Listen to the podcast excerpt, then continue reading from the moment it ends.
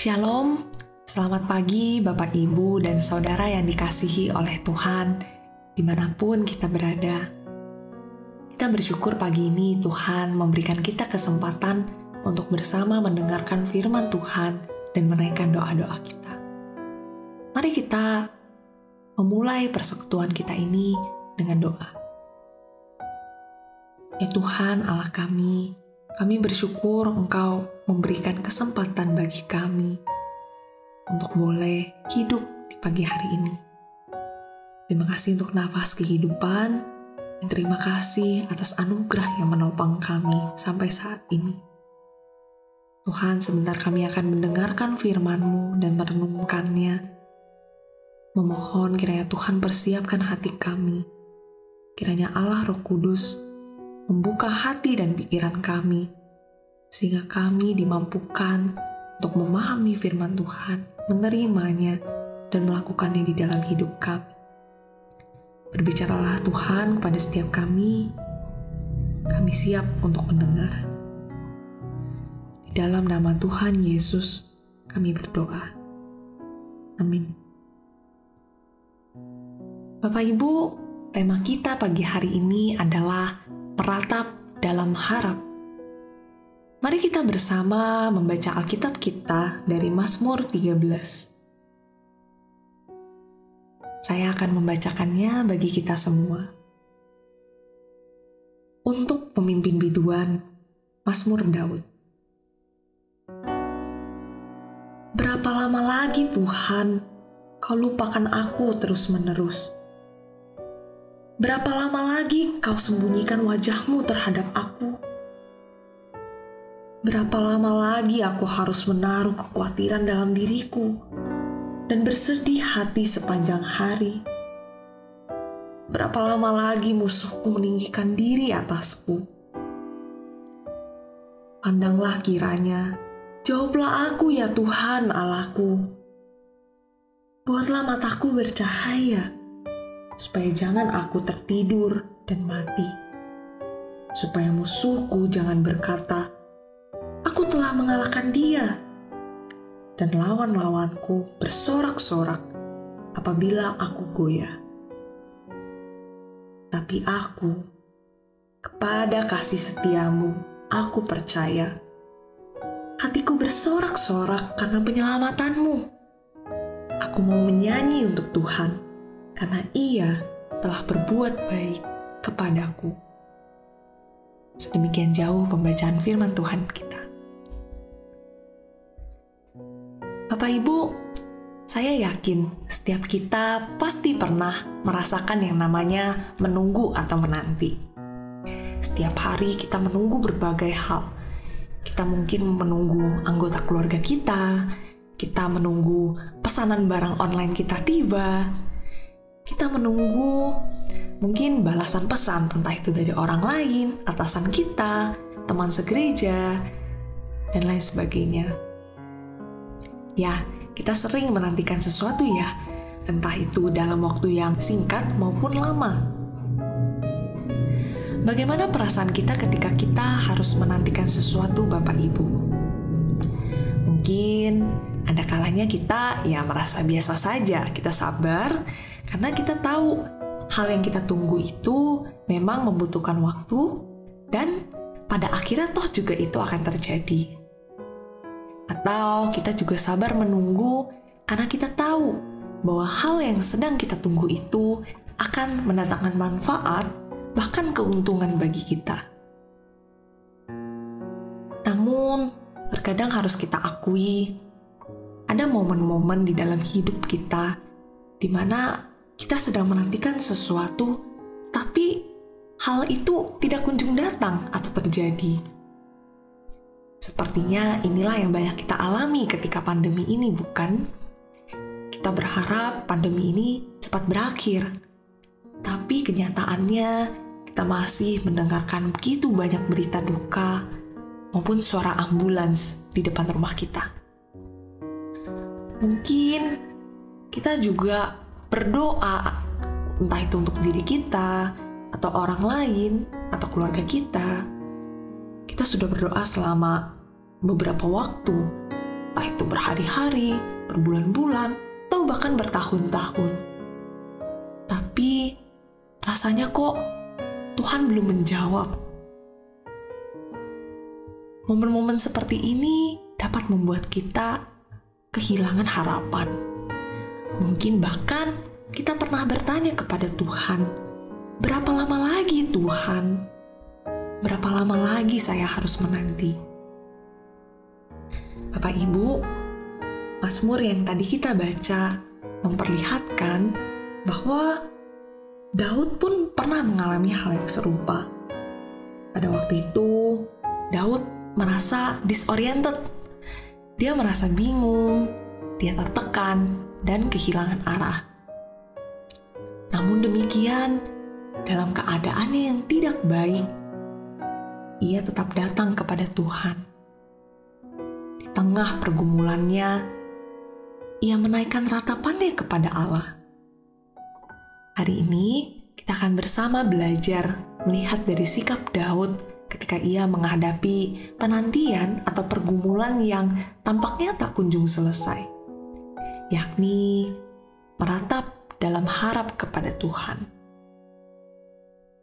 Mari saat ini kita melihat ayat yang kedua hingga ketiga. Bapak Ibu, di sini kita melihat Daud mengajukan empat pertanyaan yang semuanya diawali dengan frasa berapa lama lagi? Hal ini menunjukkan bahwa Daud merasa penantiannya ini sudah terlalu lama.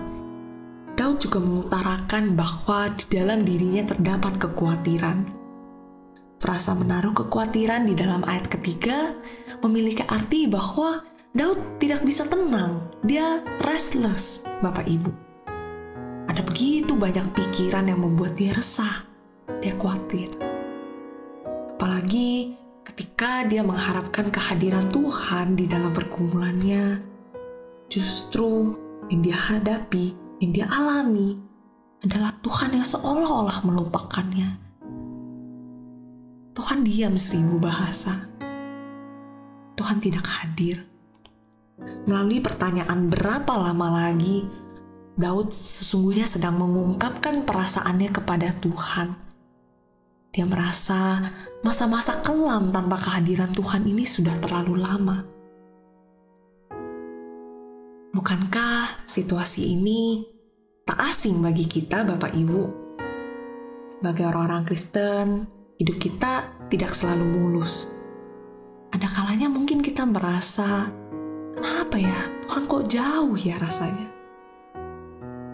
kita khawatir akan permasalahan hidup kita, kita dipenuhi dengan tekanan dan pikiran yang terus berkecamuk. Mungkin kita berusaha untuk berdoa, kita mencari Tuhan, tapi kemudian kita mendapati realita bahwa kita tidak bisa merasakan kehadiran Tuhan. Kita mungkin pernah bertanya juga, berapa lama lagi Tuhan? Dan akhirnya karena penantian ini begitu panjang, kita pun merasa lelah dan tidak berpengharapan lagi. Bapak Ibu, Daud pun mengalami hal yang seperti itu. Tapi kita melihat bahwa Daud tidak diam dalam keresahannya. Sebaliknya, Daud mengakui kesulitannya dan membawa segala ratapannya kepada Tuhan. Bahkan Daud jujur berkata dan bertanya, mengapa Tuhan itu melupakan dia terus-menerus? Inilah langkah pertama yang perlu kita lakukan ketika kita sedang menghadapi pergumulan, yaitu datang dengan jujur isi hati kita kepada Tuhan.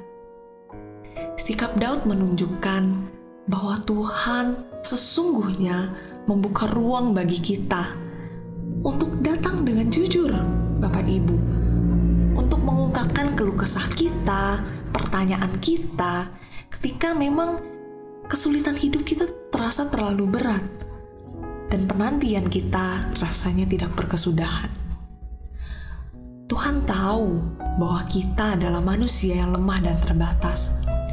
Kita tidak selalu mampu melihat dan merasakan kehadiran Tuhan Entah itu kita sedang dibutakan oleh tekanan hidup, maupun oleh dosa-dosa kita sendiri. Namun, di tengah keadaan kita yang tidak bisa tenang, kita bisa mengutarakan segala isi hati kita. Bapak Ibu tentu tidak asing dengan lagu ini. Yesus kawan yang sejati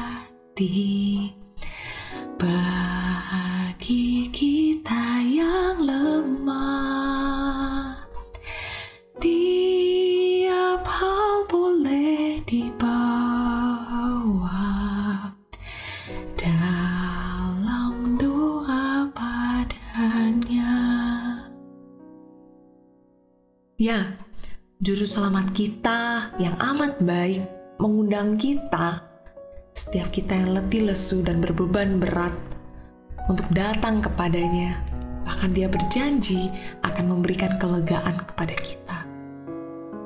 Oleh karena itu, mari seperti Daud, kita belajar untuk datang kepada Tuhan dengan segala ratapan, kelemahan, dan pertanyaan kita mari kita belajar mengungkapkan isi hati kita dengan jujur di hadapannya. Selanjutnya, Bapak Ibu, setelah Daud datang membawa permasalahannya kepada Tuhan, langkah kedua dalam ratapannya adalah memohon pertolongan Tuhan. Daud sadar bahwa Tuhan adalah satu-satunya pribadi yang dapat menolongnya. Ketika ia berkata, "Buatlah mataku bercahaya, supaya jangan aku tertidur dan mati." Daud sedang menyatakan bahwa hanya Tuhanlah alasan dia hidup.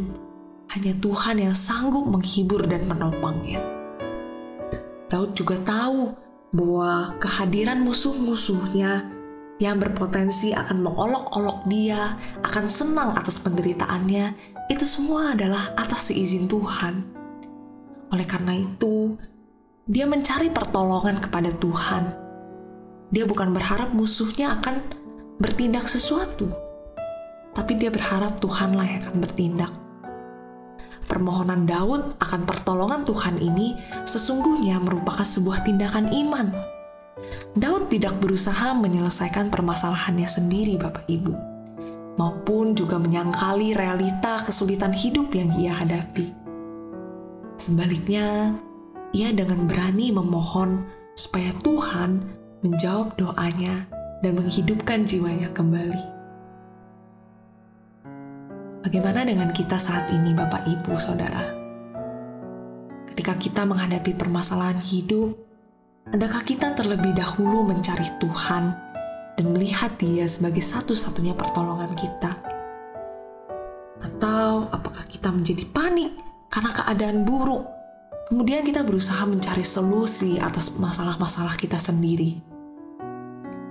Atau sebaliknya, apakah kita berusaha untuk baik-baik saja dan akhirnya menyangkali bahwa kita sesungguhnya butuh pertolongan untuk menghadapi masalah-masalah kita.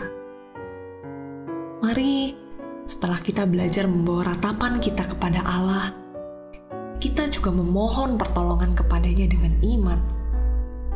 Allah sangat mengenal kita.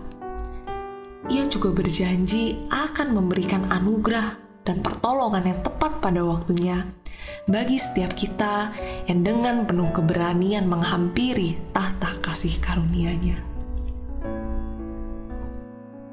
Bapak Ibu, mari kita lanjut ke dalam ayat terakhir di dalam Mazmur ini. Secara tiba-tiba kita melihat ada perubahan nuansa dibandingkan dengan empat ayat sebelumnya.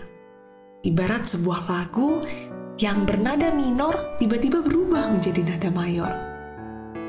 Kontras dengan keadaan yang tidak baik-baik saja, Daud justru mengakhiri ratapannya dengan mengatakan bahwa ia percaya kepada kasih setia Tuhan.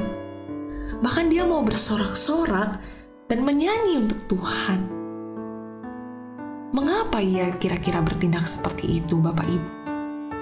Apakah pergumulan Daud telah selesai? Jawabannya bukan karena itu, Bapak Ibu.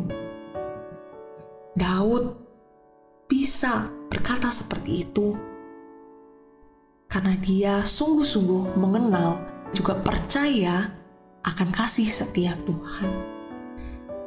Dia percaya bahwa kasih setia Tuhan itu tetap dan tidak berkesudahan, terlepas dari keadaan yang dialaminya. Dia percaya bahwa Tuhan akan berbuat baik kepadanya, seperti seorang gembala yang tidak akan membiarkan domba-dombanya berkekurangan. Kasih setia Tuhan inilah yang menjadi tumpuan pengharapan Daud Sekalipun pada waktu itu Tuhan masih terasa jauh dan tidak langsung menjawab doanya. Bapak Ibu, Allah yang penuh kasih setia yang Daud percayai adalah Allah yang sama yang berkuasa atas hidup kita saat ini. Jawaban doa yang belum kita terima, kehadirannya yang belum dapat kita rasakan, atau bahkan usaha-usaha kita untuk mencari Dia tidak akan berpengaruh pada besarnya kasih setia Tuhan yang Tuhan tunjukkan kepada kita. Kasih Tuhan sesungguhnya tidak pernah berubah, karena Tuhan adalah kasih itu sendiri. Ia pasti akan menolong kita. Bahkan Allah sendiri telah membuktikan kasih setianya melalui apa? Melalui kedatangan, kematian, kebangkitan, bahkan kenaikan Kristus anaknya yang tunggal demi membebaskan kita dari belenggu dosa.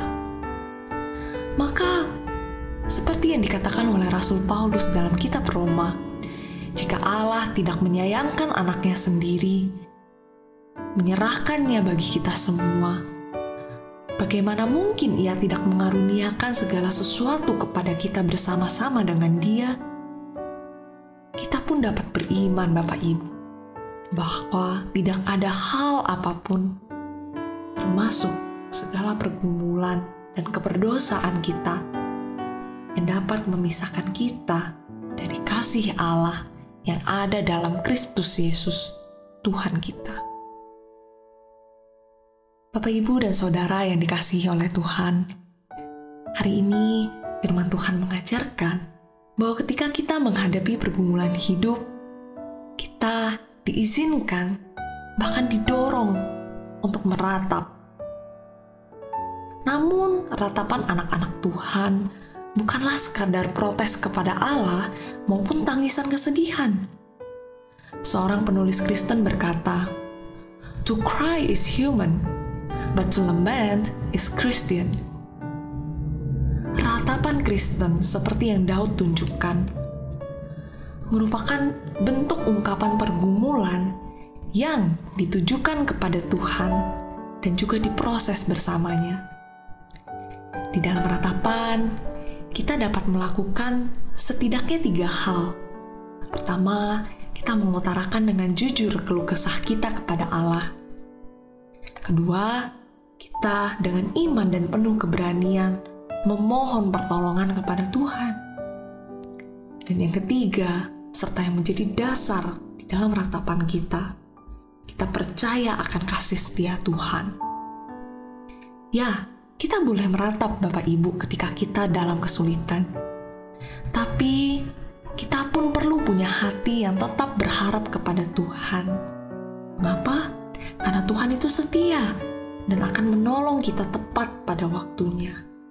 Kasih setia Tuhan merupakan sebuah kebenaran yang tidak dapat dipengaruhi dan tidak bisa berubah apa pun keadaan kita. Bapak Ibu, lepas dari PDP ini, hidup kita akan kita lanjutkan. Mungkin di dalam hari-hari kita, penantian kita akan tetap berlanjut. Permasalahan kita tidak serta-merta selesai mungkin kita belum memperoleh jawaban atas doa-doa kita. Kehadiran Tuhan pun belum tentu kita bisa rasakan setiap saat. Mungkin pandemi ini kita juga masih belum tahu kapan berakhirnya. Menariknya, Daud pun tidak menutup Mazmur ini dengan pernyataan bahwa Tuhan telah menjawab pertanyaan dan doa-doanya. Namun, seperti Daud juga, mari kita lanjutkan perjuangan hidup kita bersama-sama dengan Tuhan. Mari berjalan bersama Dia, apa pun situasi hidup yang sedang kita alami. Kiranya Tuhan menolong kita untuk membawa segala ratapan kita kepadanya dan tetap mengandalkannya, terutama ketika kita dipertemukan dengan penantian yang panjang maupun keadaan yang sulit. Dan kiranya Bapak Ibu, ia juga menolong kita untuk meratap dalam harap. Amin. Mari kita berdoa. Ya Tuhan Allah kami, kami sungguh bersyukur memiliki Allah yang setia kepada kami. Terima kasih Kau membuka ruang bagi kami untuk boleh menaikkan segala ratapan kami kepada Engkau. Ya Tuhan, tolong kami untuk mengandalkan Engkau di dalam setiap pergumulan hidup kami. Ajar kami tetap mempercayai kasih setiamu, bahwa Engkau adalah satu-satunya pribadi yang sanggup dan pasti menolong kami. Ketika hidup kami mungkin dipenuhi ratapan saat ini, kiranya Engkau menolong kami untuk meratap dalam harap kepadamu. Ya Tuhan, kami menyerahkan setiap pergumulan kami. Mungkin ada di antara kami yang sedang sakit, atau mungkin ada di antara kami yang saat ini sedang berduka karena kehilangan orang yang kami kasihi.